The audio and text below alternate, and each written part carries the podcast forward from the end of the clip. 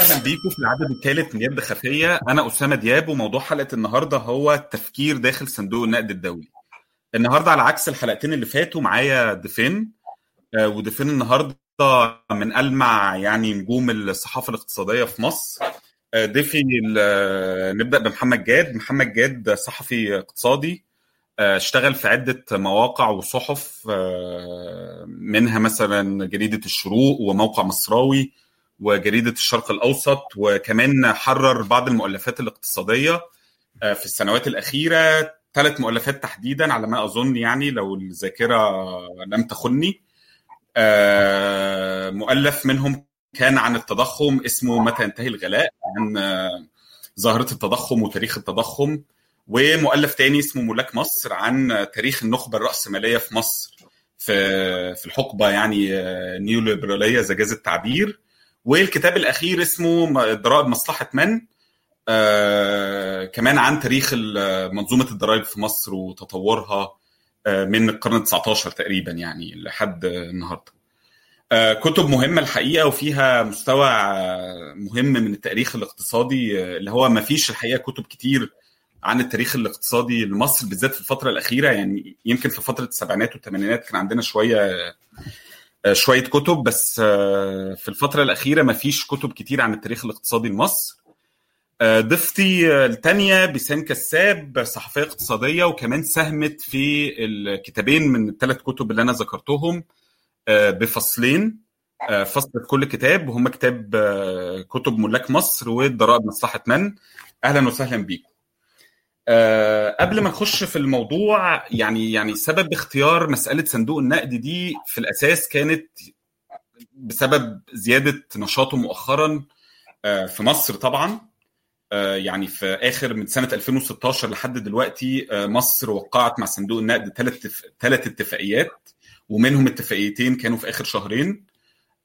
وكمان بس في المنطقة العربية ككل يعني في اتفاقيات في المغرب وفي الأردن وفي تونس ودلوقتي كمان في اتفاقية في لبنان آه، وكمان على مستوى العالم. يعني كان في فترة كده يعني كان فيها هدوء نسبي من نشاط الصندوق النقد قبل أزمة 2008 قبل الأزمة المالية العالمية في 2008 آه، بس بسبب الأزمة ودخول دول كتير في أزمات مالية عنيفة بعد 2008 فالصندوق النقد رجع تاني آه، على الساحة بقوة وبقى ليه نشاط متزايد في مصر وفي المنطقة وعلى مستوى العالم ككل. آه، خلينا نبدأ بيك يا بيسان. آه، إحنا عايزين نرجع للبديهيات والأساسيات. فخلينا نبدأ كده يعني كأن أنس ابنك جه يسألك يعني سمعك بتكلمي في التليفون فجه يسألك هو إيه صندوق النقد ده. خلينا نبدأ بالأساسيات خالص عن تعريف صندوق النقد إيه هو نشاطه؟ آه لو كمان تقدري تقولي لنا حاجة عن طرق حوكمته ظروف نشأته كمان يبقى عظيم. طيب بما إنك اخترت آه، إني ه- تسألني هقول إيه لأنس هجاوب بنفس الطريقة إنه أي حد خاصة لو كان آه، لسه بيسمع عن الموضوع للمرة الأولى محتاج يفهم إن دايما في روايتين في رواية آه، يعني إذا جاز التعبير هي رواية مدرسية كده بت بت بتفترض إنه هذا الشيء أو ذاك نشا ليه بسبب الاحتياج إليه. وإن فكرة الاحتياج إليه دي فكرة يعني متفق عليها البشر آه، عموما البشر الأسوياء يعني بين قوسين. آه، هذه الرواية يعني موجود منها آه، فيما يتعلق بصندوق النقد باعتباره إنه آه، يعني مؤسسة نشأت لضبط ال- ال- التجارة العالمية واستقرارها وضبط سعر نظم سعر الصرف عالميا ومراقبة ال- الالتزام ب- بهذه النظم. بعد الحرب العالمية الثانية ويعني الحفاظ على آه، يعني استقرار النظام الاقتصادي العالمي بعد بعدما انهار تقريبا يعني آه، على خلفية الحرب وعلى خلفية أزمة يعني وقبلها آه، أزمة الكساد في الثلاثينات.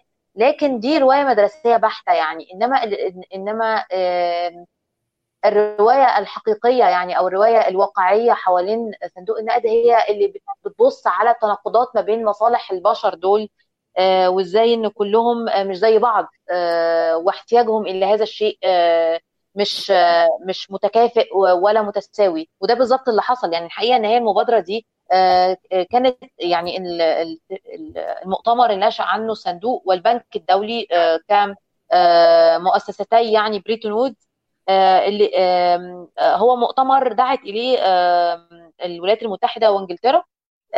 والحقيقة إن هو كان بيعبر وحضروا 43 دولة لكن في الأساس إن هو كان بيعبر عن مصالح الولايات المتحدة في الأساس كقوة منتصرة الوحيدة تقريبا في الحرب. يعني يعني بالرغم من الانتصار النظري للقوى القديمة اللي هي بريطانيا لكن كان واضح إن إن الديون متراكمة عليها بشدة والبنية التحتية منهارة بعكس الولايات المتحدة الأمريكية. ده مكن الولايات المتحدة الأمريكية من إنها تفرض إرادتها مش بس على كل الدول الصغيرة والنامية اللي في اللي موجودة نظريا إرادتها غير ممثلة لكنها موجودة نظريا في المؤتمر لا إنما كمان في الأساس على بريطانيا. لأنه كمان كان ال... هنعرف بعد كده إنه الصندوق اتكون من رأس مال ورأس مال ده آه كل بحسب يعني قدرته من الدول دي. فطبعا كان الأكثر قدرة كان الولايات المتحدة دخلت بضعف بريطانيا وضمنت لنفسها من اللحظة الأولى ضعف آه كوته التصويت.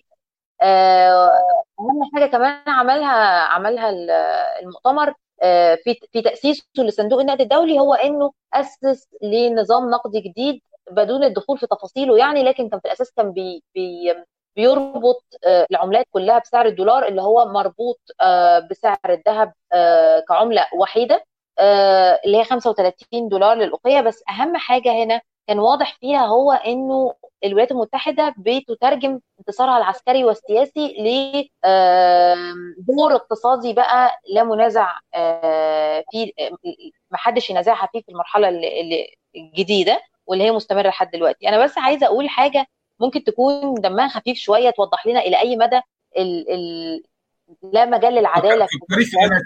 كمثال عايزك تفكري في أنس ها؟ أفندم؟ بقول لك عايزك تفكري أنا في بفكر أنس. تاني في أنس لما بتكلم عن العدالة يعني يعني خل... يعني لا نبسط شوية قصدي قصدي طيب. نبسط شوية. قبل ما نخش يعني يعني عايزين نعرف بس هو صندوق النقد ده طيب بيعمل إيه يعني ماذا يفعل النقد؟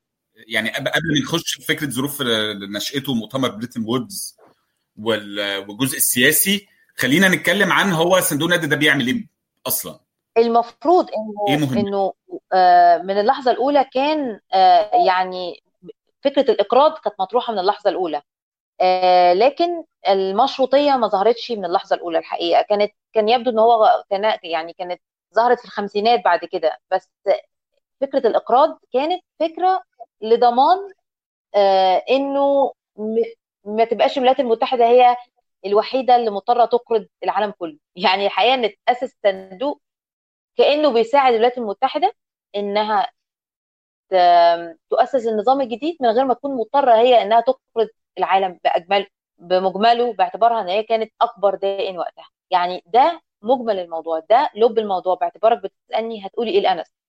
فالحقيقة إنها كان مطروح فكرة الاقراض بس في اطار الحفاظ على النظام النقدي الجديد ده اللي هو محتاج من الدول إنها يكون عندها آه، وفرة من الدولار من العملة ال- الجديدة.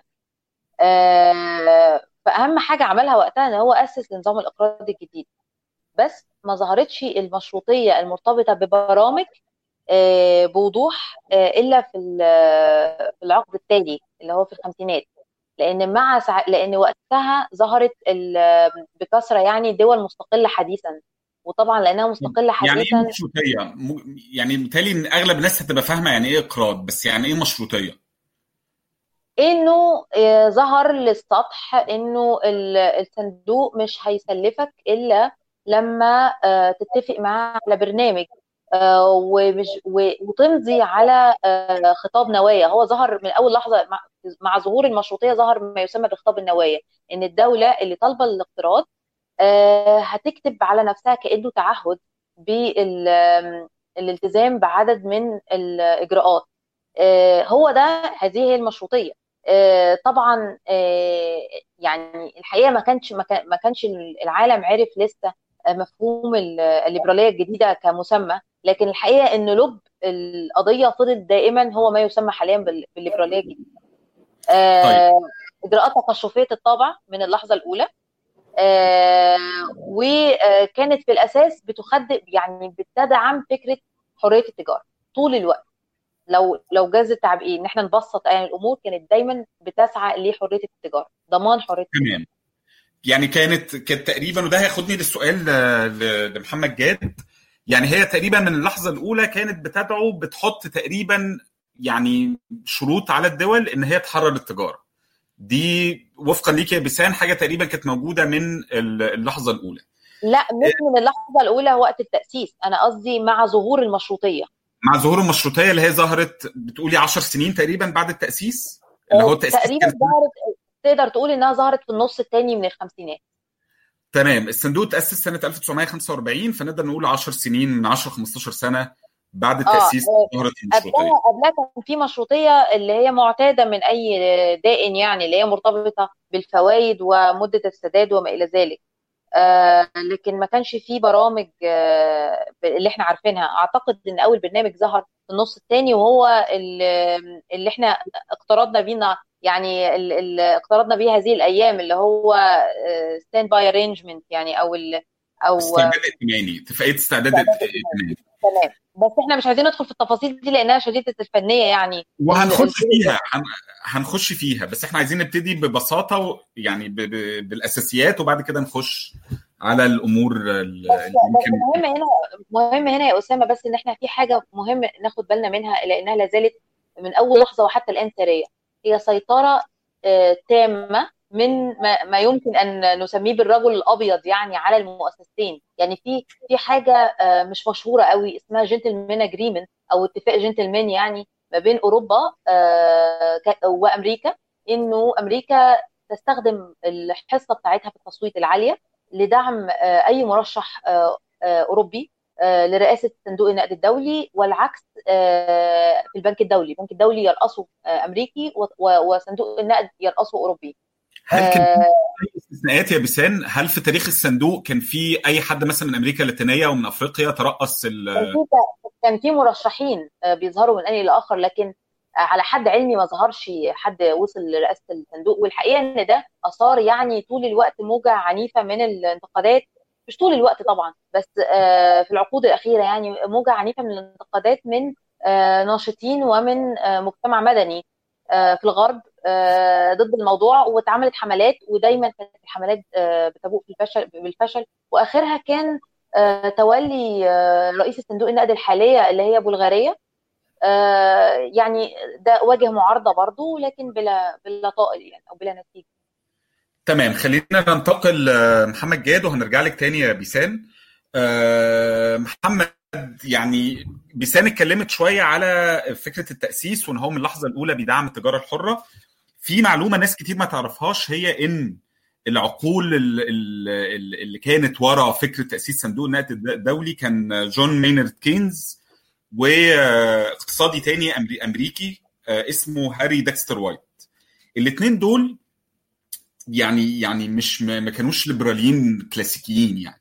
يعني كانوا دايما بيدعموا مثلا فكرة ال ال ال السياسات ال counter-cyclical أو اللي بيسميها السياسات المعاكسة للدورات الاقتصادية. بمعنى إن في فترات الأزمات لازم الحكومة يبقى ليها دور كبير في ضخ أموال في السوق في دفع الاستهلاك في دفع الطلب.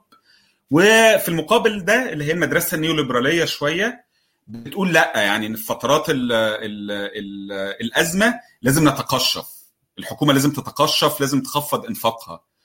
آه وده يعني يمكن حتى مصطلح التقشف اللي ذكرته بيسان آه عايز اعرف عايز أعرف تطور صندوق النقد يعني التطور الفكري والأيديولوجي في صندوق النقد هل هو من اللحظة الأولى فعلا آه ماسك خيط واحد وملتزم بيه ولا حصل تحولات أيديولوجية كبيرة آه على مدار تاريخه؟ تمام. مساء الخير عليكم. اولا صوتي واضح؟ آه، واضح آه. تمام. طيب أنا أنا حابب أبتدي يعني كلام عن تطور الصندوق وعن علاقته بمصر من لحظة السبعينات وبعد كده هنرجع آه، تاني للحظة السابقة واللاحقه و- وأبتدي بالكلام عن عن حوار اتعمل في جريدة الأهرام سنة 75 في رأيي كان بيحمل دلالات كبيرة قوي عن علاقة مصر بالمؤسسة دي في مرحلة تطور مهمه في الحوار ده كان حوار ما بين إبراهيم نافع ووزير المالية في الوقت دون ووقتها إبراهيم نافع سأل وزير المالية بشكل صريح جدا وقال له آه، إحنا سامعين إنه صندوق النقد بيضغط على مصر لتخفيض قيمة الجنيه. آه، فوزير المالية ما ردش قال له آه، إنه إحنا بنتناقش مع الصندوق في قواعد سعر الصرف. هو رد رد تاني خالص. قال له الواقع إنه آه الصندوق طرح علينا الفكرة دي لكن إحنا شايفين إنه تخفيض قيمة الجنيه هيؤدي لزيادة في الأسعار وإحنا يعني ما معناه إن إحنا قلقانين من الأثر الاجتماعي لزيادة الأسعار بس في نفس الوقت كمان قال له إنه الصندوق واللي بيكتبوا عن مصر آه، مسألة مهمة قوي لإنه لو كتب عن مصر تقارير إيجابية ده بيسهل علينا إن إحنا نعرف آه، ناخد تمويلات دولية آه، من مصادر متعددة. الواقع إنه الحوار ده بيورينا حاجة مهمة قوي إنه مصر في الوقت ده ما كانتش بيحكمها سياسات اقتصادية مبنية على أسس علمية قوي قد ما هي مبنية على أسس اجتماعية. وإن هي كانت مخالفة للسائد في عالم الغرب الرأسمالي يعني في الوقت ده ومن ناحية ثانية كمان إن مصر في السبعينات أدركت إنه صندوق النقد ابتدى يتحول لبوابة للدخول لتمويلات آه، دولية وإنها بوابة ضروري جدا إنك تعبر منها عشان توفر لنفسك آه، نقد أجنبي. طب إيه اللي وصلنا للحظة دي؟ اللي وصلنا للحظة دي جزء منه أنت بتقول عليه أسامة وهو صعود الكنزية كمذهب اقتصادي آه شايف آه إنه في يعني طبعا زي ما إحنا عارفين كينز جه على خلفية إنه حصل كساد آه، ضخم جدا في, أمريكا وامتد للعالم في الثلاثينات آه والليبرالية معناها الكلاسيكي كانت رافضة إن هي إن الدولة تتدخل لمساندة الاقتصاد آه بمبدأ الكلاسيكي بتاع إنه السوق هيصلح نفسه بنفسه. آه جت الكنزية ورسخت لفكرة إنه الدولة لازم هي اللي تخش وتعمل استثمارات آه، من نفسها. وعشان كده هو حتى صك المصطلح المشهور بتاعه بتاع socializing investment اللي اترجم هنا في مصر تأميم الاستثمارات. آه، بمعنى دخول الدولة كلاعب رئيسي في الاقتصاد. وكان له هيمنة يعني كينز أفكاره كان لها هيمنة على حاجات كتير قوي منها صندوق النقد ومنها طريقة تحديد سعر الصرف آه، اللي اشترطه بإن ربط الدولار بالذهب واللي هو كان في درجة كبيرة جدا من الاستقرار آه، سعر الصرف على عكس شكل سعر الصرف اللي إحنا نعرفه دلوقتي واللي هو ابتدى من 71 لما انهارت القاعدة اللي حطها آه، كينز في الوقت ده. فأنت عندك العالم كله كان بيتجه في الوقت ده لسيطرة الدولة على الاقتصاد وعندك كمان عوامل ثانية كانت بتشجع مصر إنها تنعزل عن عن الاقتصاد الرأسمالي أهمها طبعا ظهور الاتحاد السوفيتي وحتى قدامي دلوقتي كتاب أستاذ عادل حسين الاقتصاد المصري من الاستقلال للتبعيه اللي هو بيتكلم على تاريخ التاريخ الحديث للمديونية الخارجية في مصر بيتكلم انه الاتحاد السوفيتي كان لاعب رئيسي في توفير الدين الخارجي لمصر كان تقريبا 30% من الديون الخارجية في سنة 71 وانها كانت متوفرة بشروط شديدة التيسير. في السياق ده كله كان بيحكم السياسات النقدية والمالية لمصر أبعاد اجتماعية بشكل أساسي. لكن اللحظة بتاعه السبعينات هي اللحظة زي ما بيسان قالت مهدت لها آه، ظهور صندوق النقد كداعم رئيسي للأنظمة الاقتصادية ومعاه شروط هي مبنية على اقتصاد رأس مالي آه، صرف وصارم وصرامة مالية شديدة جدا. آه، والأهم من ده تراجع دور الكتلة الشرقية وتوحد دور الرأسمالية الغربية في مسألة إن صندوق النقد هو البوابة الأساسية عشان تدخل السوق العالمي. خلي بالك إنه لحظة تأسيس صندوق النقد آه، في الأربعينات هي بداية للفكرة دي برغم إنه كنز في قلبها صحيح بس هي بداية لفكرة إنه يبقى عندنا نظام موحد عالمي لأنه قبل كده ما كانش عندنا نظام موحد عالمي لسعر الصرف. فبداية إنه يبقى عندنا تصور عالمي نوع من العولمة الجديدة آه، بوابة واحدة تدخل منها للعولمة دي هي كانت تأسيس صندوق النقد وبداية إن هو يبقى بوابة لدخول العالم الرأسمالي هي لحظة السبعينات. واللي خلى مصر بعد تردد طويل تبتدي تفكر إن هي تدخل من البوابة دي هو احتياجها القوي جدا لإيرادات النقد الأجنبي.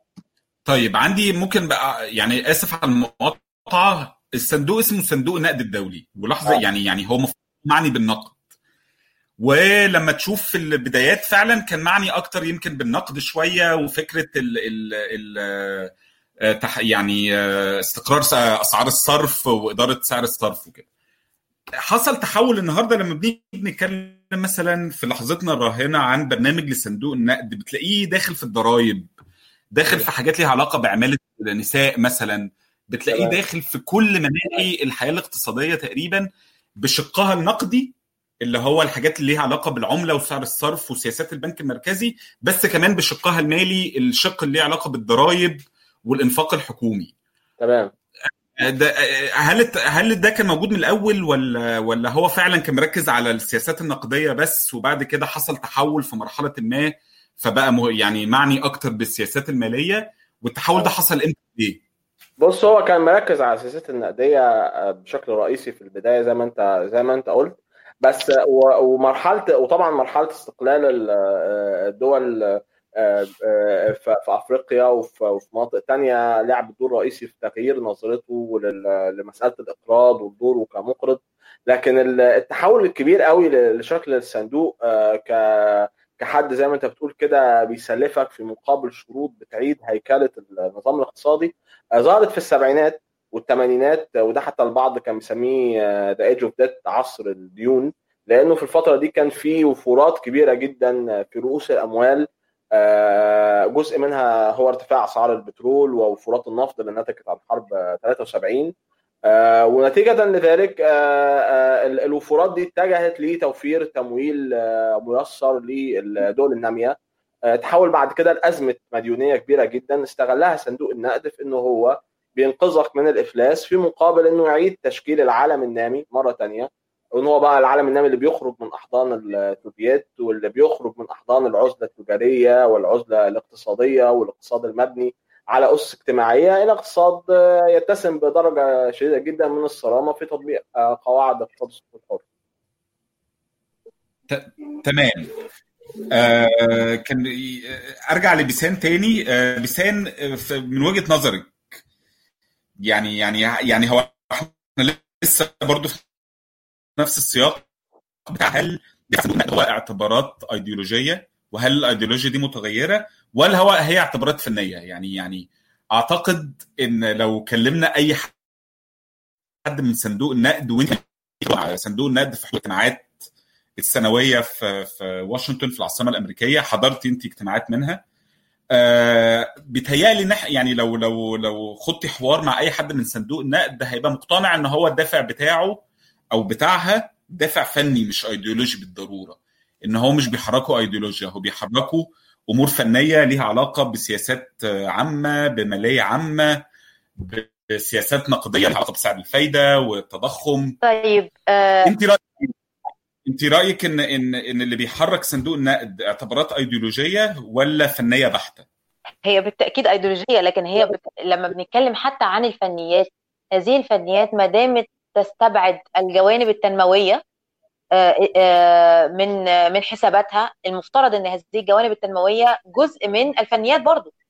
استبعاد ال- الدائم آه، والعمدي لأي جوانب تنموية معناه من ايديولوجي يعني يعني هو حتى لو اعتبرنا إن يعني لو اعتبرنا كل هذه التفاصيل المكررة اولا التكرار الدائم لنفس ال- الشروط حتى إذا اختلفت التفاصيل. آه، آه، في كل البرامج تقريبا أنا أنا لم يصادفني آه، أي برنامج يختلف في مضمونه عن برنامج آخر. في كل اللي أنا تابعته من على الأقل حتى دول ال- الشرق الأوسط وشمال أفريقيا ما فيش أي برامج بتختلف عن بعضها البعض. ده معناه إنه ما فيش أي يعني جوانب تنموية متعلقة بظروف آه، أي بلد وحتى الظرف التاريخي مستبعد تماما. آه، وده لا يمكن إلا أن يسمى إنه آه، ظرف يعني أو أو ميل ايديولوجي يعني أنا عايزة أقول لك إنه في مثال واضح جدا على الموضوع ده قبل ما أنسى. هو مثال ال- ال- المنطقة العربية أو منطقة الربيع العربي والتحول العربي. اللي هي بلغت ذروة آه، انخراطها يعني في عمليات صندوق النقد أو في ال- في الاق- الاقتراض من صندوق النقد سنة 2016 آه، كان في درجة من التشابه ال- المدهش والمضحك يعني ما بين البرامج اللي الصندوق آه، فرضها على هذه الدول أو حتى هنسميه بلاش فرضها على هذه الدول اتفق عليها مع هذه الدول آه، بالرغم من إنه الصندوق بيقول إنه هذه البرامج وطنية بمعنى إن الحكومات هي اللي بتضعها. ومع ذلك كل الحكومات يبدو إنها متفقة حوالين نفس الجوهر. آه، كل هذه الدول بما فيها الدول اللي بتشهد اللي كانت يعني الدول زي العراق وال- واليمن اللي هي بتشهد يعني إيه أسئلة وجودية حول استمرارها أصلا كدول. كانت بتفرض عليها إجراءات يعني كانت إجراءات شديدة الصرامة على مستوى المالي. يعني وفيما يتعلق مثلا بدولة زي دولة زي تونس مثلا فرض عليها تقليص الوظائف الحكومية من 10900 و900 سنة 15 لحوالي 2100 وظيفة فقط سنة 2016 بمعنى إن هي إجراءات يعني لا يمكن إلا أن تنم عن يعني خلفية أيديولوجية فحسب ثاني حاجة إنها كانت كانت يبدو كمان إنها بتستبعد طول الوقت. المخاوف السياسية من من تطبيق الإجراءات. وهي عارفة بتعمل إيه كويس قوي في الموضوع ده. يعني مثلا في السبعينيات الصندوق النقد الدولي كان على درجة عالية جدا من التحالف مع أسوأ الأنظمة القمعية لتمرير الإجراءات دي. كان على علم بيها وكان موافق على على على إجراءات قمعية ودموية مثلا زي اللي قام بيها بينوشيه في شيلي. وقتها لتمرير إجراءات من صندوق النقد الدولي. وطبعا أشهر حاجة وإن كانت ليست الأسوأ هي الإجراءات بتاعت سنة 77 وما تضمنته في مصر من مقتل يعني العشرات. كان صندوق النقد الدولي بيدعم هذه الإجراءات ولم يعلق على الإطلاق على سقوط الضحايا. تمام. طب أنت اتكلمت يا بيسان عن آه يعني عن فكرة المشروطية أو بتبقى واحدة تقريبا في أو البرامج يعني الصندوق بتبقى واحدة في كل البلدان. وانت يعني بتستشهدي بان بان هي واحدة في كل البلدان. في إن هو الموضوع مش فني في الموضوع بالتأكيد ايديولوجي خليني أسألك سؤالين هنا. أول حاجة هي المشروطية دي؟ يعني إيه إيه هي الحاجات اللي موجودة تقريبا في كل البرامج زي ما انت بتشوفيها يعني؟ أيوة. آه بالذات في المنطقة العربية. يعني إيه هي النقاط المشتركة اللي موجودة في كل البرامج الصندوق؟ ده أول سؤال. تاني سؤال انت بتقولي ان هو صندوق النقد مش مهتم بالبعد الاجتماعي مش مهتم بالبعد التنموي لكن في آخر عشر سنين مثلا طلعت كريستين لاجارد قالت إن الصندوق اتغير وإن مثلا بيتكلموا دلوقتي 70% من البرامج الصندوق بتتكلم على فكرة النمو الشامل اللي هو بيتضمن مثلا حاجات ليها علاقة بتوظيف المرأة بيتضمن حتى ساعات يعني أحيانا دلوقتي بيتكلموا عن ضرائب تصاعدية. يعني كان في في حاجة اسمها the Fiscal Monitor أو يعني المرصد المالي بتطلقه بيطلقوا صندوق النقد الدولي. في سنة 2017 كان عنوان التقرير ده كان فكرة محاربة اللامساواه وكان بيقول إن المفروض الحكومات تبتدي تفكر في حاجات زي الدخل الأساسي المعمم إن الحكومات تبتدي تفكر في حاجات زي الضرائب التصاعدية. وهي كلها أفكار مش نيوليبرالية يعني. فهو الصندوق بيقول إن هو ابتدى يهتم بالبعد الاجتماعي وهو على فكرة بيعترف إن هو ما كانش مهتم. يعني كان في برضه مقالة شهيرة ورقة شهيرة أصدرها صندوق النقد الدولي. oversold أظن.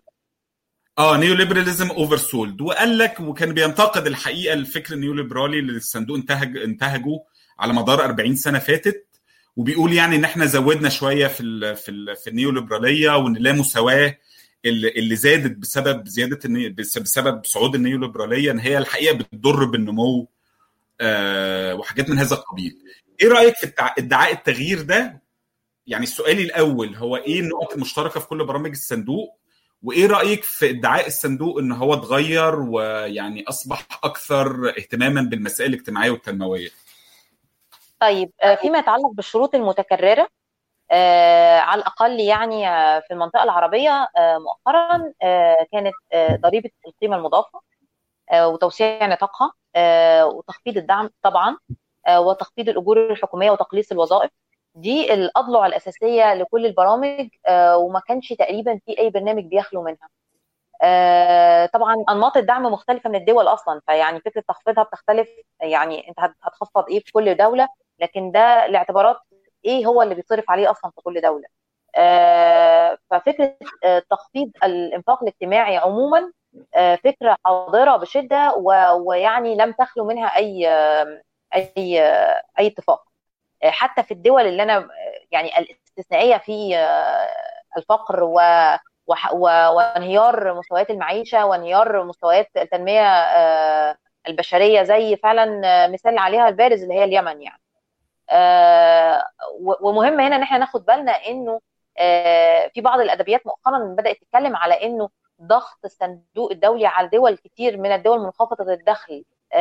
فيما يتعلق بتخفيض الأجور الحكومية خلاها تضغط على الإنفاق على وظائف الأطباء. وهنا ظهرت مع ظهور كورونا ظهرت الكارثة لما الناس اكتشفت قد إيه هم بيدفعوا ثمن دلوقتي تقليص السابق لوظائف الأطقم الطبية نتيجة ضغوط سابقة من صندوق النقد الدولي طيب هننتقل هنا للشق الثاني من السؤال اللي هو مرتبط ب يعني التوبة عن الليبرالية الجديدة إذا جاز التعبير والكلام المتكرر عن يعني التراجع عن الليبرالية الجديدة أو يعني مساءلتها على أقل تقدير. اولا أنا مهتمة هنا إن أنا اكد إنه صندوق النقد استخدم كتير جدا في تاريخه. لغة طابع كده الندم أو الاعتراف بالخطأ أو الاستعداد لفتح صفحة جديدة. سواء فيما يتعلق بالليبرالية الجديدة أو فيما يتعلق مثلا بالاعتراف بالخطا تجاه الدول النامية أو منخفضه الدخل أو الضغط عليها.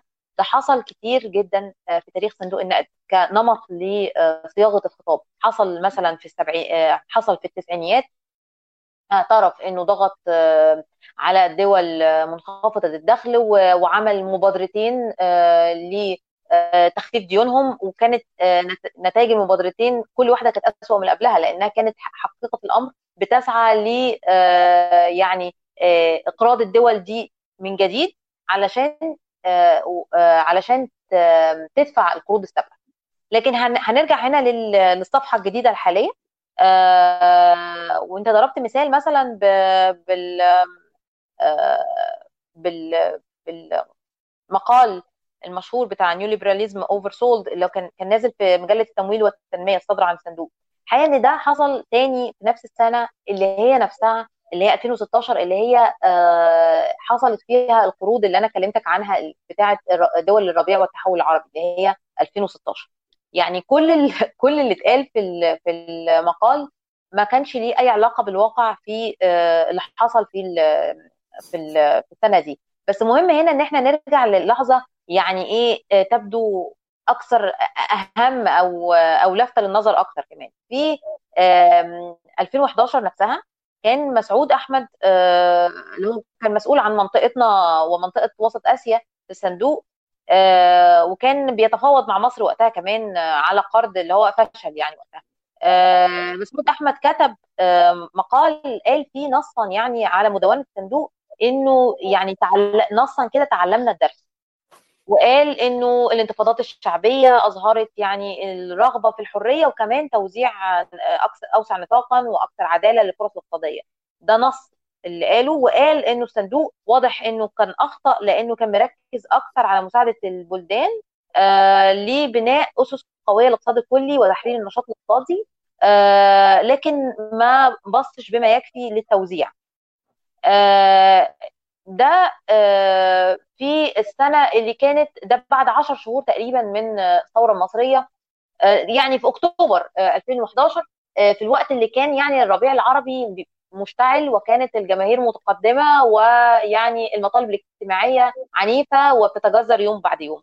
لكن واقع الأمر إنه مع تراجع الحراك الجماهيري ومع بدء يعني انتصار الثورات المضادة في المنطقة واحدة تلو الأخرى كان واضح إن في هذه اللغة كانت بدأت تختفي تماما وصولا للحظة 2016 فواقع الأمر إنه الحديث عن الندم حديث أو تراجع أو فتح صفحة جديدة ده حديث متكرر في تاريخ الصندوق مش جديد. هروح هروح ل...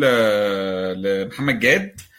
آه عايز أسألك يا جاد استكمالا لكلام بيسان تمام. آه انت عارف إن أنت الفترة دي شغال على مسألة الديون وتطور شكل الديون. وعبئها والفوائد والكلام ده. فعايزك من من من منظور اللي هو التغير في سياسات الصندوق اللي هو بيسان شايف إن ما حصلش تغير. التغير بس على المستوى الخطابي بس فعليا البرامج تقريبا لسه زي ما هي. التبعات على على الاقتصاد تقريبا لسه زي ما هي. فكرة زيادة مثلا الفجوة الاقتصادية بين السكان الأكثر دخلا والأقل دخلا والكلام ده كله. من وحي قراءتك لمسألة الديون والفوائد والموازنة وكده يعني متفق مع بسان ولا مختلف معاها؟ لا متفق معاها جدا ويعني هو طبعا الصندوق في مصر له زيارتين أساسيتين يعني الزيارة الأولى هي الاتفاق في بداية التسعينات والزيارة الثانية هي 2016 اتفاق 2016 والاتفاقين هما امتداد أو تطور لنفس المنهجية تقريبا. طبعا أنتوا أشرتوا لاحداث 77 يعني مهم قوي إن إحنا نبص إنه يعني ما فيش عامل واحد بيتحكم في كل شيء. في مجموعة متضافرة من العوامل هي اللي بتوصلنا لحالة زي الشارت اللي أنت كنت مشايره النهارده على صفحة البرنامج. عن إزاي إنه مصر بعد ما أنهت برنامج 2016 كانت بتزود من نسبة الإنفاق على الفوائد في مقابل انكماش اوجه أخرى للانفاق الاجتماعي زي الأجور أو الدعم. الحالة دي ما فيش وراها يعني واحد ببرنيطة قاعد بيشرب سيجار كده وبيتآمر في مجموعة كبيرة قوي من العوامل بتتضافر وجزء منها عقلية الصندوق طبعا أكيد يعني بس عوامل عوامل ثانية كتير قوي. جزء من الموضوع علاقة بإنه إحنا نفسنا فشلنا في ما يعرف باحلال الواردات إن إحنا من الستينات كان عندنا هدف إن إحنا نقلل من احتياجنا للعالم عن طريق إن إحنا نصنع التكنولوجيا بتاعتنا من الداخل وفي نفس الوقت كان عندنا هدف تاني إن إحنا نخلق طبقة وسطى جديدة ونخلق منظومة رفاه اجتماعية. النظام المالي بتاع مصر عموما هو في أزمة من الستينات والازمه والأزمة دي ظهرت في توسع النظام المصري وقتها في فرض ضرائب الاستهلاك أزمة 77 هي مش بداية يعني التوجه بقى ضد العدالة الاجتماعية سبقها حاجات حتى حصلت في وقت عبد الناصر. لكن مشكلة 77 انه السادات مسك السلك عريان يعني قرب من سلع شديدة الأساسية. لكن ده ده ده ما لغاش الأزمة المالية اللي موجودة في الانفاق الاجتماعي والأزمة اللي موجودة في نقص موارد النقد الأجنبي. وده اللي خلانا بعد كده فضلنا نتحرك لحد ما وصلنا لحظه 91 اللي حصل في 91 ببساطة شديدة اللي حصل هو تحرير التجارة وخروج القطاع العام من الكثير من الأنشطة الإنتاجية اللي كانت بتمثل شكل غير معلن للدعم يعني لأنه كان بينتج بهوامش ربحية منخفضة أو بالخسارة في كثير من الأحيان.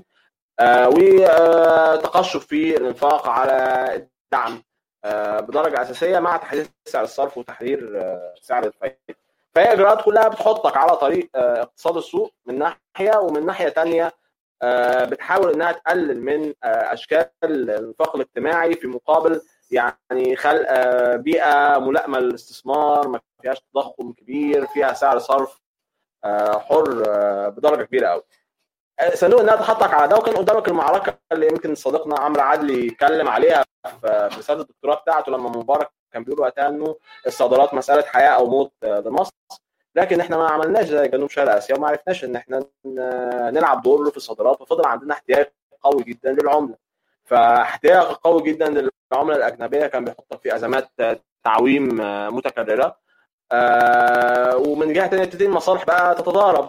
تبتدي بقى الدول الدائنة الكبيرة تبص لك على انك فريسه يبتدوا هم كمان يشوفوا حتى إن أنت يعني مش مؤهل لحاجة متقدمة قوي عشان يشتغلوا معاك فيها. يعني مثلا على سبيل المثال اتكلمت مثلا عن 2011 في 2011 كان الصندوق بيتكلم على ضريبة الارباح الرأسمالية مثلا ضريبة على التعاملات في البورصة كشكل من أشكال العدالة الاجتماعية. لكن كان في هنا لوبي في مصر بيقاوم الضريبة دي بشكل قوي قوي.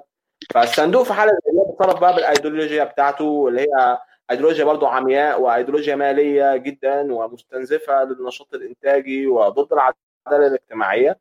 بيقول لك خلاص زي ما عمل في 2016 انت عندك مشكلة مالية حرر سعر الصرف ولو بشكل صادم. آه افرض ضرائب استهلاك طالما انت مش عارف تفرض ضرائب دخل آه فيها عدالة اجتماعية. آه وخفض الدعم. وطبعا في رطانة بقى بتاعت الصندوق والبنك الدولي اللي بيكرروها دايما إنه دعم الوقود ده دعم موجه للأغنياء. وهنا في مصر يطلع أصوات المؤيدة للصندوق تقول لك ده أنا أعرف ان السفير الياباني كان بيمون عربيته بالبنزين المدعم وبيقول مش معقولة إن مصر تعمل كده. بس واقع الأمر طبعا إنه الدعم الوقود هو مش بس بنزين سيارة السفير الياباني هو كمان السولار اللي هو الوقود بتاع عربيات الميكروباص واللي هو الوقود بتاع الماكينات الزراعية. وفي بداية عملية تحرير دعم الوقود أقصد أقول بداية 2016 لأنه فكرة ربط أسعار الوقود بالسعر العالمي دي مطروحة من أيام مبارك وهو قاومها شوية بس برضه حرر حبة.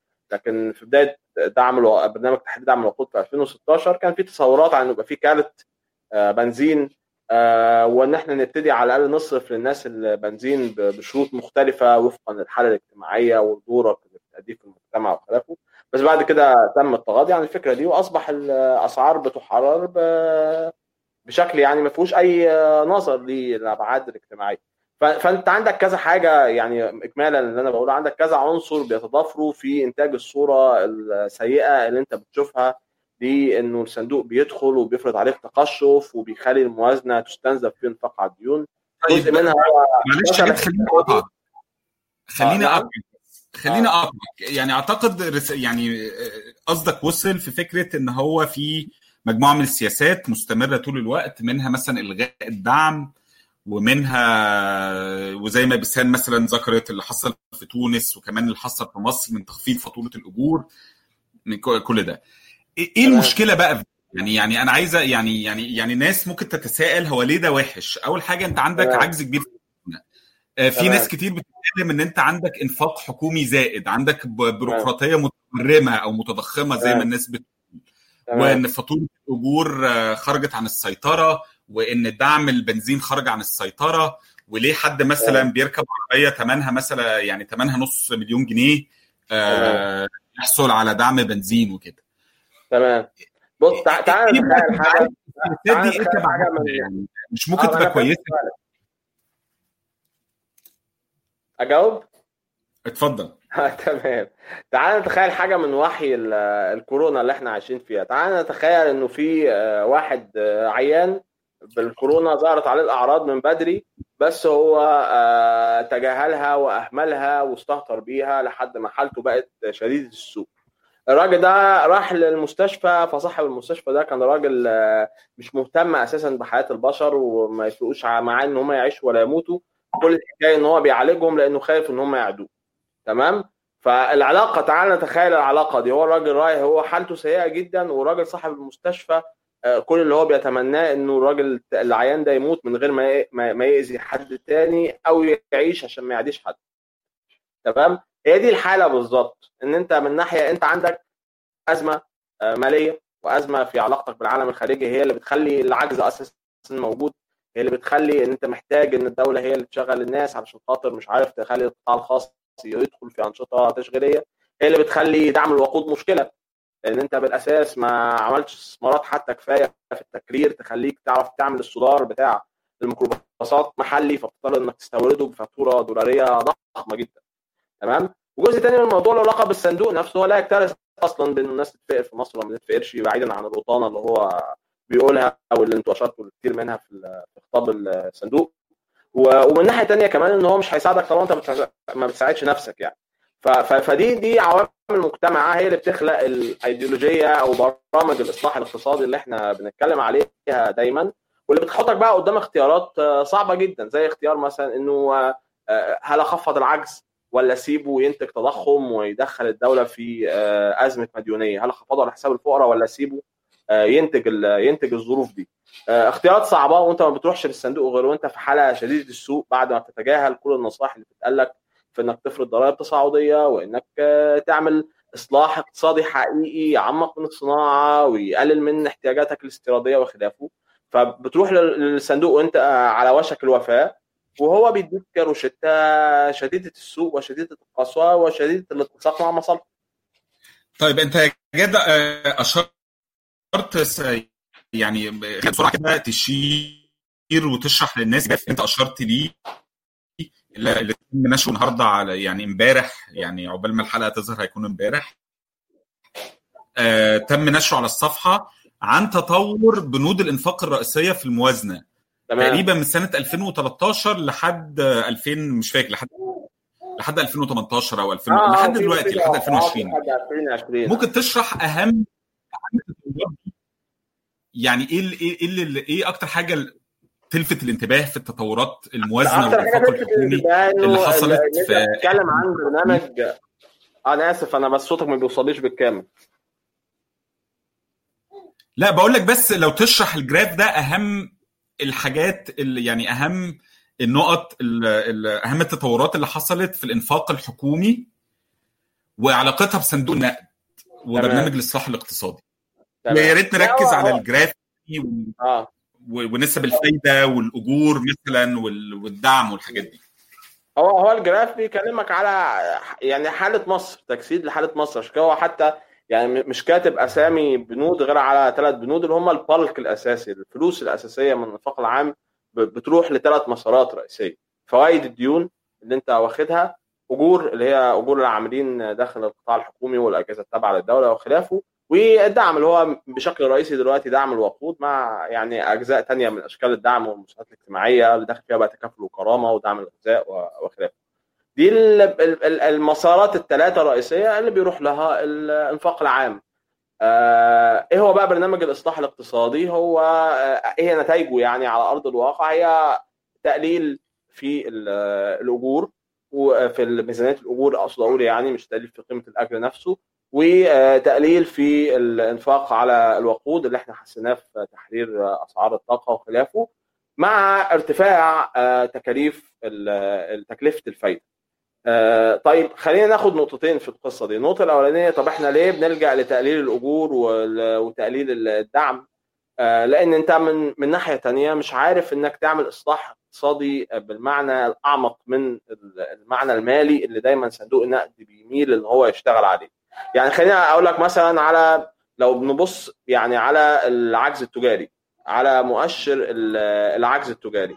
في فترة الصندوق هتلاقي إنه شكل ميزان العجز التجاري ما اختلفش عن الشكل اللي كان موجود عليه قبل الصندوق. عملت زيادة في الصادرات بس فضلت زيادة متواضعة جدا والعجز التجاري فضل تقريبا عند نفس مستوياته السابقة.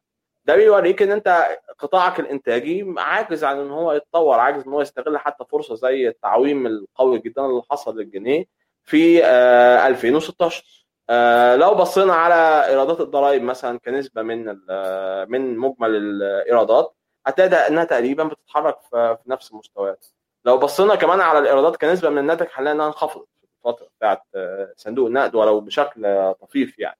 فالإصلاح ال- الأعمق اللي هو الصندوق عمره ما بيشتغل عليه واللي عشان كده حتى آه، دكتور جودة عبد الخالق لما عمل كتاب مهم قوي عن تجربة 91 اتكلم عن إهدار التصنيع ال deindustrialization الإصلاح الأعمق هو هو إصلاح الاقتصاد نفسه إصلاح القطاع الإنتاجي وده اللي كانوا كانوا بيحاولوا يعملوه في الستينات وللأسف تجربة لم تكتمل يعني. آه، فلما بيفشل إصلاح الاقتصاد بالمعنى الأعمق ده بتلجا للاصلاح المالي اللي هو بيدخلك في دائره التقشف وفي دائره الديون. طبعا ارتفاع الفايدة ده في عوامل كتير قوي ساهمت فيه شديده التداخل منها آه، إن أنت اضطريت إنك تزود الفايدة لأن التعويم آه، زود التضخم فالمركزي اضطر إنه يزود الفايدة بشكل كبير قوي عشان يمتص التضخم فنتج عندنا ان فاتورة الفوائد بتاعتنا آه، كبرت قوي. ففي في كذا عنصر يعني تداخلوا مع بعض بس دي الصورة النهائية اللي انت بتحسها في حياتك انه فلوس الإنفاق العام ما بتجيلكش انت بدرجة كبيرة قد ما بتروح للديون. تمام. آه كمان الحاجة اللي أنا لاحظتها لاحظتها في الجراف هو انخفاض الإنفاق بشكل عام. تمام. يعني يعني أنت زي ما أنت قلت الأجور آه، آه، نسبتها قلت الفوائد نسبة فوائد على الديون نسبتها زادت والدعم نسبته قلت لكن كمان الانفاق الحكومي ككل آه، نسبته قلت. وده طبعا حلم النيوليبرالية يعني إن هو يقلل من من دور حجم الدولة بالمعنى الاقتصادي. ده اتحقق بالفعل. آه. آه، حابب تقول حاجة سريعا آه، لا لا ابدا. آه كمان ال ال عشان بس أوضح النقطة اللي أنت قلتها عن علاقة التعويم بالعجز التجاري. الفكرة إن الصندوق النقد كان بيقول إن لما التعويم ده يحصل آه تكلفة المنتجات المصرية بالنسبة للعملات الأجنبية هتقل فبالتالي ده ممكن يشجع الصادرات وي- آه، ويقلل من الاستيراد لأن كمان منتجات العالم بالنسبة لنا بقت أغلى. لكن اللي جت بيقولوا إن ده ما حصلش فإحنا عومنا. لكن في نفس الوقت طبعا وتحملنا كل يعني آه، آثار التعويم السلبية لكن كمان ما خدناش إيجابياته. هنتقل بقى من النقطة دي لبسان ما- نمتش بنفس المعدل اللي نمت بيه الصادرات في تجارب أخرى عملت تعويم شبيه بتعويم مصر. ده ده كان طبعا الصادرات زادت. نسبيا وأعتقد الواردات قلت كمان شوية لكن مش بالمستويات المأمولة يعني. دي تقديرات للبنك الدولي. تمام. آه بيسان خلينا نرجع بقى نتكلم تحديدا على نقطة السياسات الاجتماعية لصندوق النقد. في برنامج 2016 صندوق النقد دايما كان بيتكلم على الإنفاق الاجتماعي وبرنامج تكافل وكرامه والتوسع في النقد الدعم النقدي المباشر. عشان حجة الصندوق دايما فكرة إن الدعم المباشر ده أكثر كفاءة من الدعم السلع. يعني أنا لما ادعم أكل ولا دعم بنزين أي حد ممكن يستفيد من الدعم ده. لكن لما أدي الأسر الأشد احتياجا فلوس في إيدها ما حدش تاني هيستفيد من هذا الدعم إلا فعلا الأسر اللي محتاجه ليه. كمان كان في حاجة ليها علاقة ب برنامج الحضانات. يعني كان جزء كمان من المكونات الاجتماعية لبرنامج الصندوق. كان فكرة إنشاء حضانات على أساس تشجيع النساء على العمل نزول لسوق العمل عن طريق إن هو بيبقى في حضانة تقدر تحط فيه ابنها أو بنتها وتقدر تروح الشغل وتاخد ابنها أو بنتها بعد ما تخلص شغل.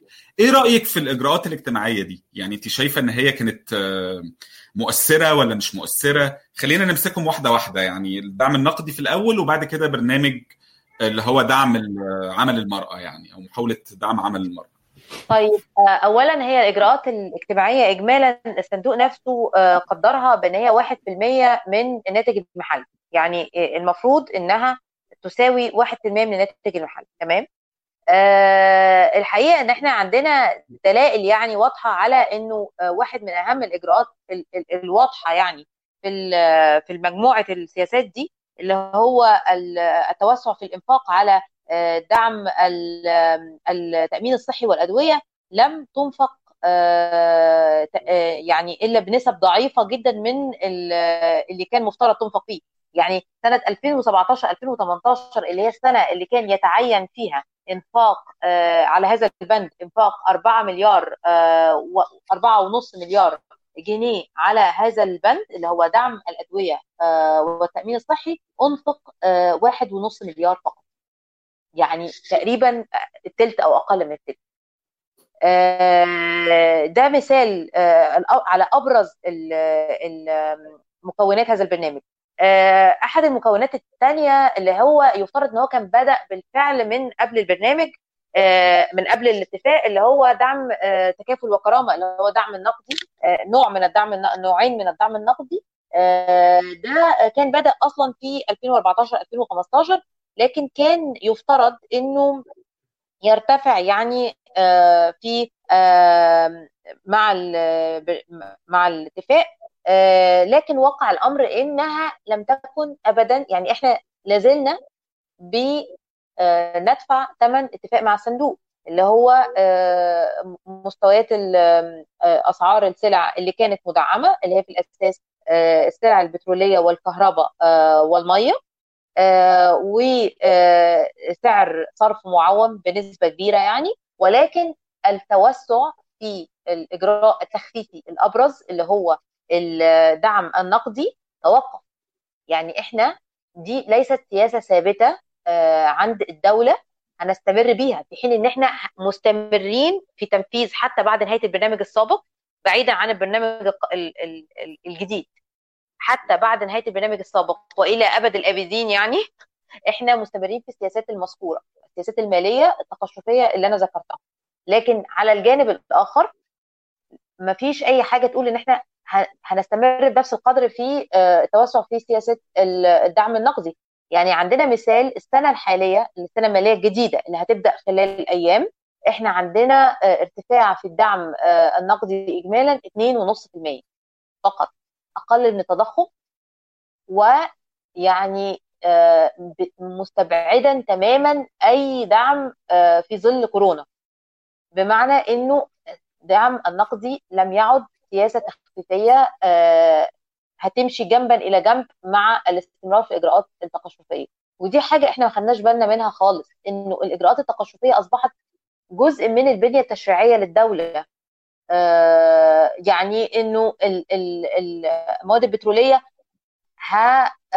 هتكون مرتبطة بالأسعار العالمية كجزء من البنية التشريعية للدولة. لكن لكن ايا كان اللي هيحصل لها ما فيش حاجة تجبر الدولة على رفع الدعم النقدي بنسب معينة ولا ربطها بتكاليف المعيشة أو بتضخم الناشئ عن أي سبب زي مثلا أسعار الصرف على الإطلاق. ففي فرق كبير ما بين الإجراءات التقشفية ومدى استمراريتها ماشي في مقابل الإجراءات التخفيفية. تاني حاجة فيما يتعلق بالحضانات. الحقيقة يعني آه إنه في حاجة آه صندوق النقد أغفلها ربما عن عمد واغفلتها الحكومة عن عمد بكل تأكيد. إنه ال ال الأسباب الرئيسية في مصر لتراجع آه تشغيل النساء كان تقليص الوظائف الحكومية. إن المكان أو أو ال المكان الرئيسي اللي كان بيضم النساء العاملات أو أو بيشجع على تشغيل النساء كان هو جهاز الدولة بكل بكل فروعه مقابل العكس تماما في القطاع الخاص. يعني في مستوى فيما يتعلق بالعدد والنسبة نسبة العاملين يعني كانت دايما جهاز الدولة متفوق. فيما يتعلق بالأجور كان دايما جهاز الدولة متفوق. فيما يتعلق بالنساء يعني. لدرجة إن النساء في جهاز الدولة يعني على ما ما أتذكر بياخدوا أكتر من الرجالة كمتوسط. آه والعكس تماما في القطاع الخاص. فالحقيقة أي سياسة آه هتعملها الحكومة آه فيما فيما يتعلق بحضانات أو ما إلى ذلك لن تؤتي أي ثمار طول ما في تقليص للوظائف الحكومية. ده فيما يتعلق بتشغيل النساء يعني. لسبب أساسي هو ظروف العمل في القطاع الخاص غير المشجعة لعمل النساء غير الصديقة لعمل النساء. بعكس الجهاز الحكومي. فطالما لم يحدث إجراء تشريعي إصلاحي في القطاع الخاص يضمن مستويات من يعني يضمن ظروف عمل للعاملين كلهم مش للنساء فقط جيدة. وبالتالي صاحب العمل ما يبقاش مضطر يشغل راجل. يعني صاحب العمل في القطاع الخاص بيشغل راجل لأنه مش عايز يجيب ست وتاخد له أجازة وضع وتفتح حضانة وما إلى ذلك. لكن لكن تجارب كثير من الدول اللي بتدي أجازة وضع للرجالة وبتفتح الحضانات بناء على عدد العاملين عموما وليس عدد العاملات الستات فقط هي اللي ممكن تخلي القطاع الخاص بيشغل الستات. ده إذا سلمنا إن إحنا موافقين على إنه الجهاز الحكومي يخلص الوظائف الحكومية اجمالا يعني. فطبعا موضوع الحضانات ده موضوع طبعا بكل تأكيد يعني زر للرماد يعني في الأعين فيما يتعلق بتشغيل النساء. يعني مهما كان فايدته ففايدته فايدته هامشية جدا. ده إذا كانت انفقت هذه الأموال فعلا وأنا الحقيقة عندي شك في ده لأنه يعني يعني دعم التأمين الصحي والأدوية مثال واضح على على عدم إنفاق يعني المستهدف. العبث بالفكرة المستهدف والفعلي أحط في الموازنة حاجة وما أنفقهاش في حاجة مهمة جدا كمان إن لما بنتكلم عن إجراءات الحمايه الاجراءات التخفيفية والإجراءات الاجتماعية الصندوق بشكل واضح بيتعامل مع الإجراءات التخفيفية دي بمعزل عن.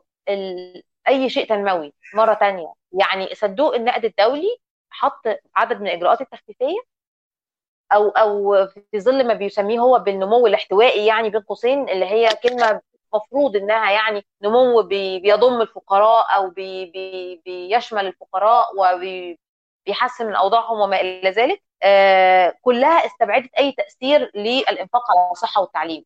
يعني صندوق النقد الدولي كان مشرف أساسي أو كان يعني شايف بعينه ومتجاهل تماما تجاهل الاستحقاقات الدستورية فيما يتعلق بالصحة والتعليم. تاني حاجة إن صندوق وعد في أدبيات كتيرة كل الدول بما فيها مصر يعني إنه والله لما تخفضوا الإنفاق على دعم السلع البترولية ده هيسمح بفوائد للإنفاق على الصحة والتعليم. الحقيقة إن ده ما حصلش في مصر على الإطلاق على الإطلاق. وعندي شواهد يعني عن تراجع الإنفاق على الصحة والتعليم كنسبة من الناتج المحلي بشكل منهجي آه على الأقل من 15 16 وحتى الآن. حتى التحسن الضعيف اللي حصل في العام المالي الجديد اللي هيبدأ جرى يعني استخدام بعض الألاعيب يعني المحاسبية عشان يبدو إن هو أكبر من حجمه. وأنا مش عايز التفاصيل المحاسبيه لكن في واقع الأمر الإنفاق على الصحة والتعليم تقريبا ثلث الاستحقاق الدستوري. صندوق النقد كان متجاهل تماما هذا النقطة دي. شايف إن ليها أي علاقة بالفقر؟ مش فاهمة إزاي هو مش شايف إن فيها أي علاقة بالفقر. مهم كمان آخر حاجة إن أنا أقول إنه صندوق النقد الدولي لا يتسامح على الإطلاق إذا الدولة ما نفذتش أحد الإجراءات التقشفيه في ميعادها. زي ما حصل يعني في التلاسن العلني ما بينه وما بين الحكومة المصرية لما كانت الحكومة المصرية متباطئة بعض الشيء في تنفيذ آلية التسعير التلقائي. التسعير التلقائي للمواد البتروليه آه العكس بيحصل في الإجراءات التخفيفيه إذا لم تلتزم بيها ما حدش هيقول لك. وهت... وهتاخد دفعات القرض في مواعيدها عادي جدا. آه فالحقيقة إنه المثال اللي أنا اتكلمت آه عنه على عدم الإنفاق ما هو مستهدف آه على إجراء رئيسي من إجراءات الإجراءات التخفيفية. دي لم تستدعي على الإطلاق يعني لا تلاسن علني ولا غير علني يعني على ما بين الحكومة وصندوق النقد الدولي. بالعكس على الإطلاق صندوق النقد الدولي ما عندوش أي مشكلة.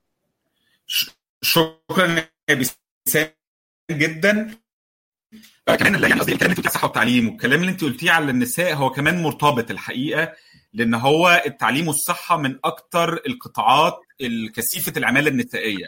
يعني تقريبا عدد السيدات اللي بيشتغلوا في قطاعيه المصحه أكبر من عدد الرجاله آه ففي كمان حاجات ليها علاقة النار أثرت جدا على العماله النسائية. معنى إن اولويات الاستثمار عاده بتروح في مهن في قطاعات اسف كثيفه العمالات الرجالة زي قطاعات الإنشاء والنقل وكده وهي كمان القطاعات اللي هي كثيفة العماله النسائية. بتواجه خاصة في الاستثمار الحكومي زي التعليم والصحة. يعني في آخر ثلاث أربع سنين تقريبا كانت القطاعات الرئيسية الدافعة للنمو هي قطاعات الإنشاء والنقل. آه وهي تقريبا قطاعات يعني 99 أو يعني 98% مثلا من عمالتها ذكور آه فده كمان جزء من المشاكل الهيكلية اللي ليها علاقة بعماله النساء اللي هي غالبا يعني مش هتتحل بس بمساله الحضانات بالإضافة طبعا للكلام اللي أنت قلتيه اللي ليه علاقة بالقطاع الحكومي وفكرة عدم تنظيم القطاع الخاص بشكل يسمح بيه إن هو يبقى صديق يعني للعمالة النسائية. آه هنتقل دلوقتي لمحمد جاد. آه خلينا نتكلم شوية عن البرنامج الحالي. تمام. آه أو البرنامجين البرنامجين الحاليين أو القرضين الحاليين. إحنا عارفين من ساعة ما بدأت أزمة كورونا الحكومة مضت اتفاقيتين زي ما قلنا في بداية الحلقة اتفاقيتين مع صندوق النقد واحدة ب 2.8 من 10 مليار والثانيه لا 2.2 آسف والثانيه 5.8 مليار دولار. إيه بقى شروط إيه مشروطية ال ال البرامج دي؟ وهل إحنا أصلا شفنا البرنامج ولا لأ؟ وإيه شروطه؟ وهل في يعني برنامج اجتماعي كمان ولا هو بس حاجات ليها؟ يعني كلمنا كده شوية عن عن البرنامج يا محمد. لا هو إحنا لسه البرنامج لم يعلن وأنا شخصيا عندي يعني فضول إني أعرف زيك. إيه الشروط الجديدة اللي هتطبق من خلال البرنامج دون؟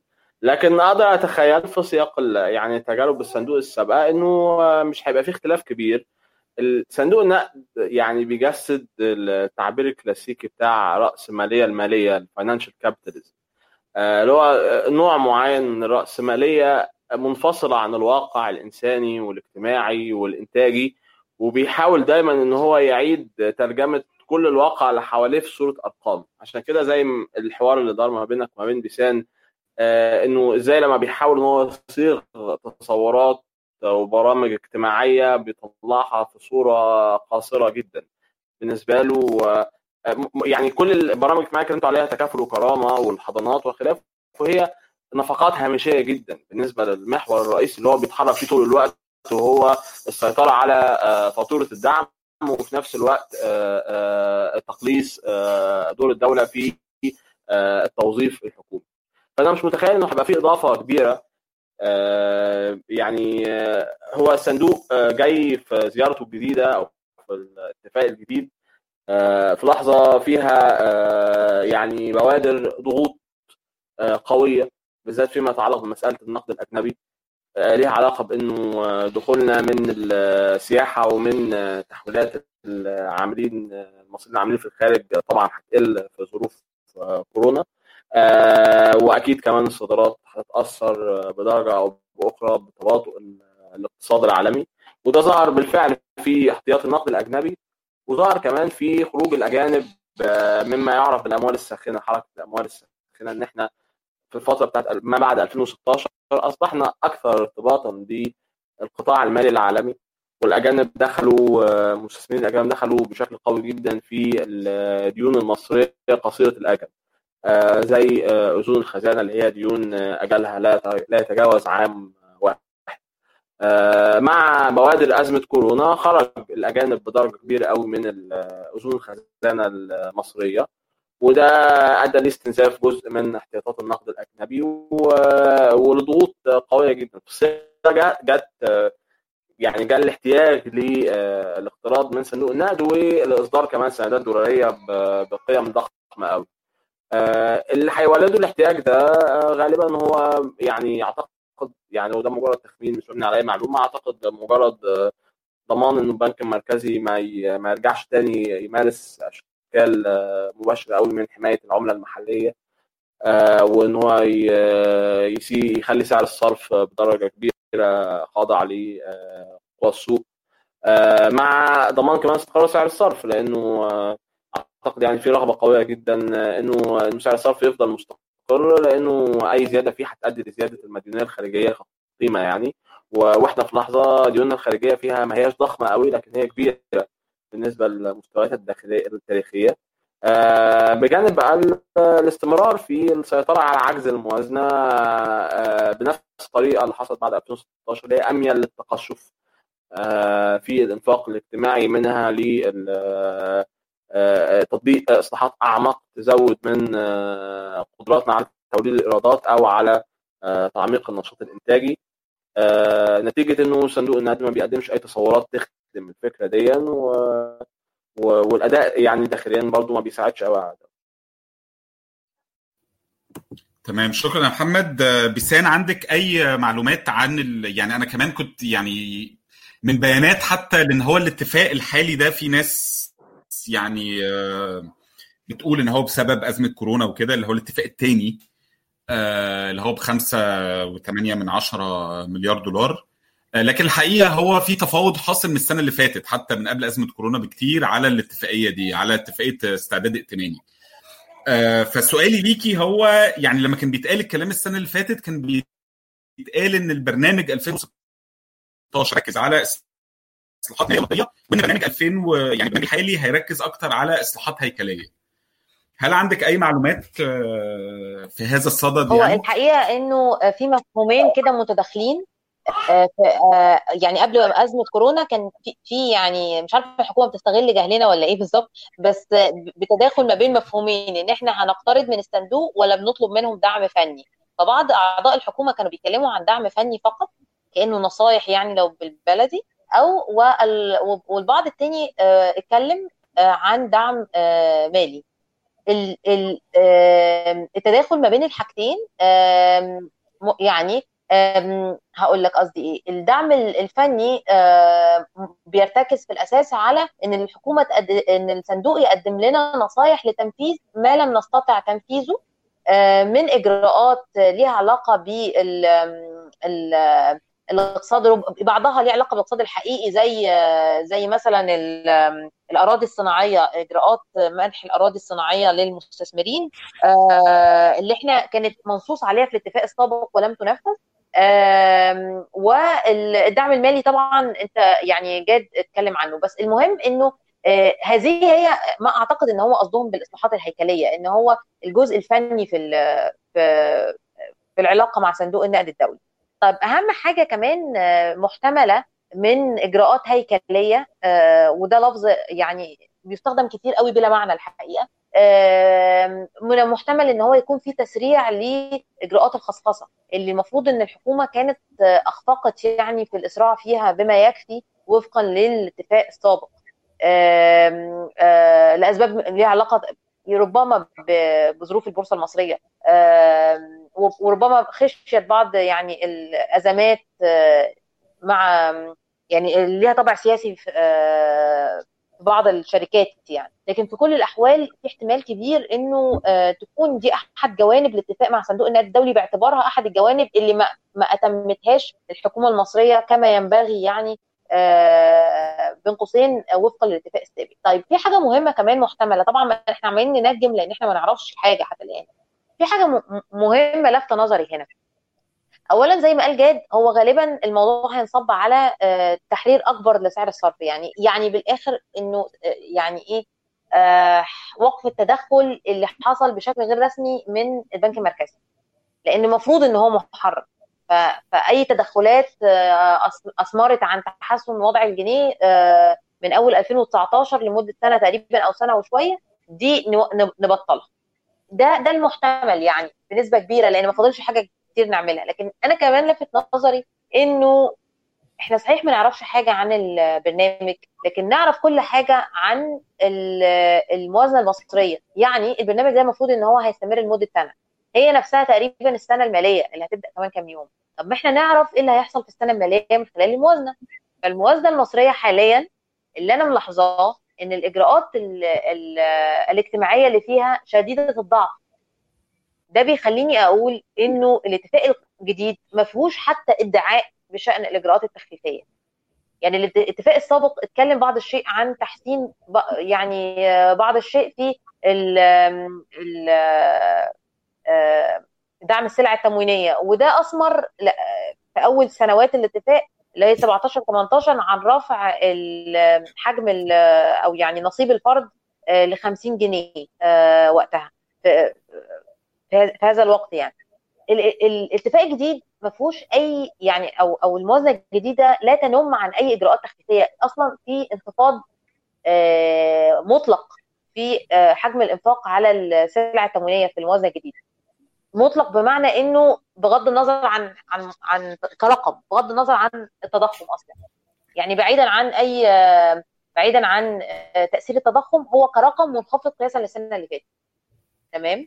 آه وده معناه إن الحكومة ماشية آه في إجراءات يعني استبعاد آه ناس من دعم السلع التموينية. طبعا أنا اتكلمت عن تكافل وكرامة. كمان دعم الكهرباء انتهى تماما انتهى تماما يعني هو صفر في الموازنة الجديدة. فاللي أنا أقدر أقوله عن الاتفاق الجديد من غير ما أشوفه إنه صعب إن يكون في أي إدعاء بقى المرة دي بوجود إجراءات تخفيفية. وإنه غالبا يعني هيتضمن يعني تحرير العودة لتحرير كامل يعني إذا جاز التعبير لسعر الصرف بعيدا عن يعني بعض التدخل اللي كان بيحصل من صندوق النقد الدولي من البنك المركزي. طبعا ده إحنا ما حدش يعني المفروض إن إحنا نتوقع بقى إنه ليه بعض التأثيرات التضخمية. لكن مش عارفين هذه التأثيرات التضخمية هتخفف بإيه. إحنا ما فاضلش إجراءات تخفيفية مش واضح إن في أي إجراءات تخفيفية. يعني أي إجراء تخفيفي كان المفروض هيظهر في الموازنة العامة اللي إحنا شفناها بس. بس. تمام. ولا وانت بتتكلمي عن تحرير سعر الصرف افترضتي دايما إن هو هيؤدي إلى تخفيض سعر الجنيه. آه لأن هو دايما ده, ده الواقع المصري يعني إن هو لما سعر الصرف بيتحرر لأن عاده بيبقى تدخلات البنك المركزي ليها علاقة باستقرار سعر الصرف آه في مقابل الدولار آه بدل من تخفيضه. لأن مثلا يعني مش عارف لو الذاكرة سعفاني في تقريبا في المغرب لما حرروا سعر الصرف سعر الدينار زاد في مقابل يعني العملات الأجنبية. فكانت بالنسبة لنا كمصريين يعني كانت كانت نكتة يعني أقرب منها للنكتة من من أي شيء. بس بس مصر طبعا بسبب كمان الوضع بيسير في اتجاه واحد يعني تخفيض قبضة البنك المركزي معناها بالضرورة انخفاض الجنيه ايا كان بقى ينخفض قد إيه يعني؟ أو ده ده ليه علاقة بمشاكل في في في السياسة النقدية مشاكل هيكلية مزمنة قديمة في السياسة النقدية المصرية. إن شاء الله هنخصص لها حلقة يعني عن التضخم وعن السياسة النقدية. آه بس ده يعني مثلا آه يعني أكبر مثال على ده في خطاب قناة السويس الشهير بتاع عبد الناصر.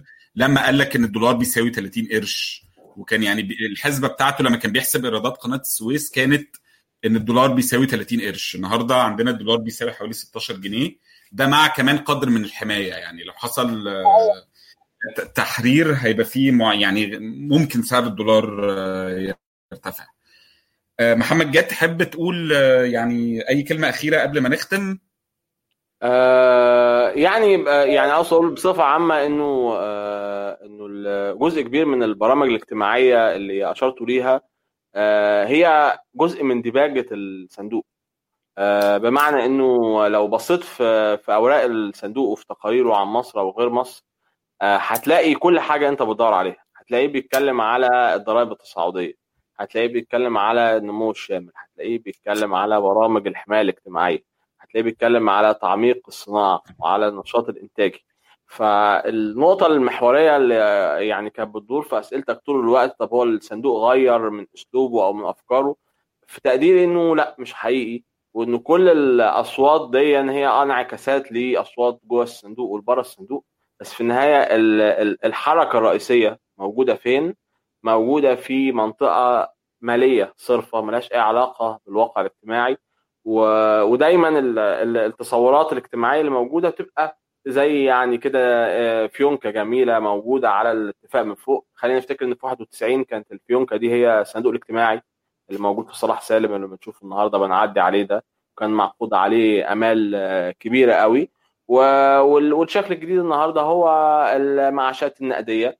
اللي الدولة بتصرفها صحيح وبتروح لناس آه، فقراء وبتحسن وبتخفف من ضغوط الأزمة لكنها برامج ملهاش أي أهداف واضحة. أنت ما تعرفش أساسا البرامج دي معمولة ليه؟ معمولة عشان تخفض الفقر ولا معمولة عشان آه، تحميك من الصوت في الفقر ولا معمولة عشان تشجعك على الذهاب لسوق العمل؟ آه، ملهاش أغراض واضحة ملهاش خطة واضحة ملهاش تصور واضح على طريقة انتشارها. نمو قيمتها ما بيحصلش وفق منهجية أو فلسفة معلنة. وبالتالي هي دايما آه، بتبقى آه، يعني صورة تجميلية زيها زي صور تكميليه سابقة ولاحقه آه، وده الإطار اللي مهم إن إحنا نبص فيه على لما بنقيم تجربة الصندوق إن إحنا نبص على حاجة زي الشارت اللي إحنا اتكلمنا عليه. إيه هي ال- الحركة الأساسية للفلوس فين؟ هتلاقيها في المسارات اللي إحنا اتكلمنا عليها الدعم والأجور. والفوائد. شكرا ليك محمد. أي كلمة أخيرة بسام آه يعني معانا دي أظن إن أنا اتكلمت كتير. آه لكن آه يعني أنا أنا مهتمة إن أنا يعني أتكلم على آه إن إحنا لا- ما ينفعش نبص على الصندوق آه بمعزل عن السياق السياسي اللي محيط بيه. فتأثير ومدى الحمائية اللي ممكن تظهر آه، في أي اتفاق مع صندوق ليها علاقة بالسياق السياسي اللي بيتم في آه، أي اتفاق مع صندوق في مصر أو غير مصر. فإذا لم يكن لم تكن أي حكومة آه، والصندوق معا في حاجة لتمرير إجراءات تخفيفية فلا داعي لتمريرها. يعني ليه هتمرر بس بس ده ما بيتعارضش مع كلامك ما بيتعارضش مع كلام اي شيء هو دايما الأجندة واحدة والروشتة واحدة؟ آه لا ما بيتعارضش مع كلامي على الإطلاق. أنا بتكلم على هي- إحنا متفقين إن الإجراءات التخفيفية دايما آه حاجة هامشية. لكن حتى هذا الهامشي إلى أي مدى آه حجمه؟ آه إلى أي مدى تنفيذه؟ دي آه حاجة مرتبطة ب يعني توازن القوى إذا جاز التعبير ما بين من سيطبق عليهم الاتفاق آه ومن آه يفرضون الاتفاق. تمام. وعلى النقطة دي هننهي الحلقة النهاردة. تقريبا برضو يعني مستمرين على النهج داخلين تقريبا برضو في ساعة ونص دلوقتي. فشكرا اللي استمعوا لينا وصبروا وصمدوا لحد اللحظة دي. ونشوفكم في حلقات جاية إن شاء الله. وشكرا محمد جاد وشكرا بيسان كساب. آه، شرفتوني ونورتوني النهاردة. شكرا يا اسامه ميرسي.